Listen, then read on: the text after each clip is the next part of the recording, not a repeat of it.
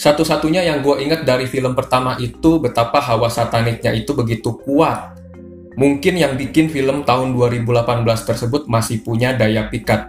Selain nantinya penampakan-penampakan falak yang menurut gue emang cukup bangsat sih. Halo, halo Sobat Kripik, welcome back nih. Selamat datang kembali di podcast Kripik Film masih bersama gue Rangga. Yang di episode kali ini akan mereview The Nun 2 yang disutradarai oleh Michael Saves yang sebelumnya menyutradarai The Conjuring 3. Lima tahun kemudian, sequelnya datang, meneruskan secuil cerita yang ternyata belum selesai nih dari film pertama. Yap, Falak ternyata belum kembali benar-benar kembali ke neraka setelah terkena darah Kristus. Ya, setelah terkena darah Kristus ternyata Falak belum benar-benar kembali ke neraka di film pertama. Si iblis berkerudung tersebut sekali lagi nantinya akan mengejar dan meneror manusia di sequelnya, termasuk nantinya membakar seorang pastur. Tidak hanya Falak yang kembali, tapi ada juga Maurice yang sekarang bekerja di sekolah yang ternyata angker.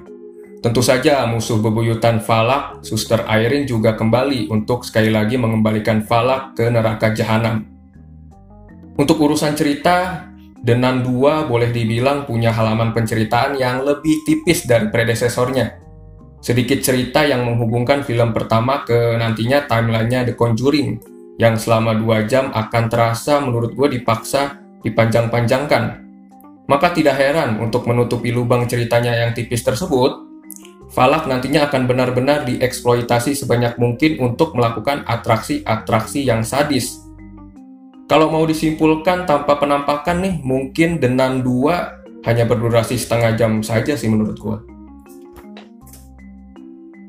Gue menyukai horor penampakan. Tapi kalau sebanyak Denan 2 gini, gue jadinya kayak lagi nonton film-film horornya MD Pictures. Dari sejak awal hingga 2 jam ke depan, serbuan penampakan sadisnya yang beraneka jenis telah berhasil tuh mengubur layer ceritanya yang gue sebut sebelumnya, layer ceritanya yang tipis. Cukup disayangkan sih, karena universe Conjuring ini sekarang seperti kehilangan daya magisnya. Tiap film horor yang bernaung dalam lorong gaib Conjuring seperti hanya bisa bergantung kepada jump scare dan jump scare dan jump scare, tanpa punya bobot cerita yang menurut gua kuat atau setidaknya bikin penonton terkesan, bukan malah mudah untuk dilupakan. Falak makin galak. Yap, beberapa adegan penampakan harus diakui cukup seru, seperti membakar pastur atau kemunculan iblis berwujud kambing dari kerak neraka. Namun seakan-akan setiap 10 menit penampakan tersebut wajib hadir semua karakter dari Suster Irene hingga anak-anak asrama harus kena teror Falak.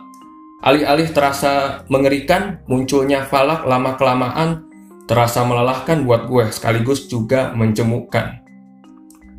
Dua setengah bungkus keripik cukuplah untuk Denan dua ini. Overall, sequel dan salah satu Conjuring Universe yang menurut gue sama sekali tidak mengesankan.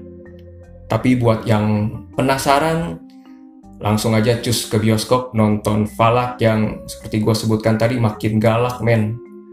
Semua di random lah semua di teror.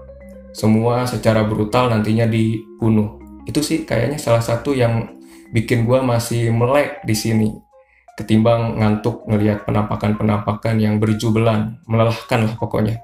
Tapi ya gue masih suka lah kebrutalan Falak di sini. Ada ngebakar eh, pastur ada mukul-mukulin nanti nenek-nenek. Sadis lah pokoknya Falak thank you yang udah mendengarkan podcast Kripik Film Review Denan 2 sekali lagi jangan lupa follow jangan lupa follow Kripik Film di Spotify dan subscribe YouTube-nya. Sekali lagi thank you yang udah mendengarkan. Gua Rangga. Thank you ciao goodbye bye bye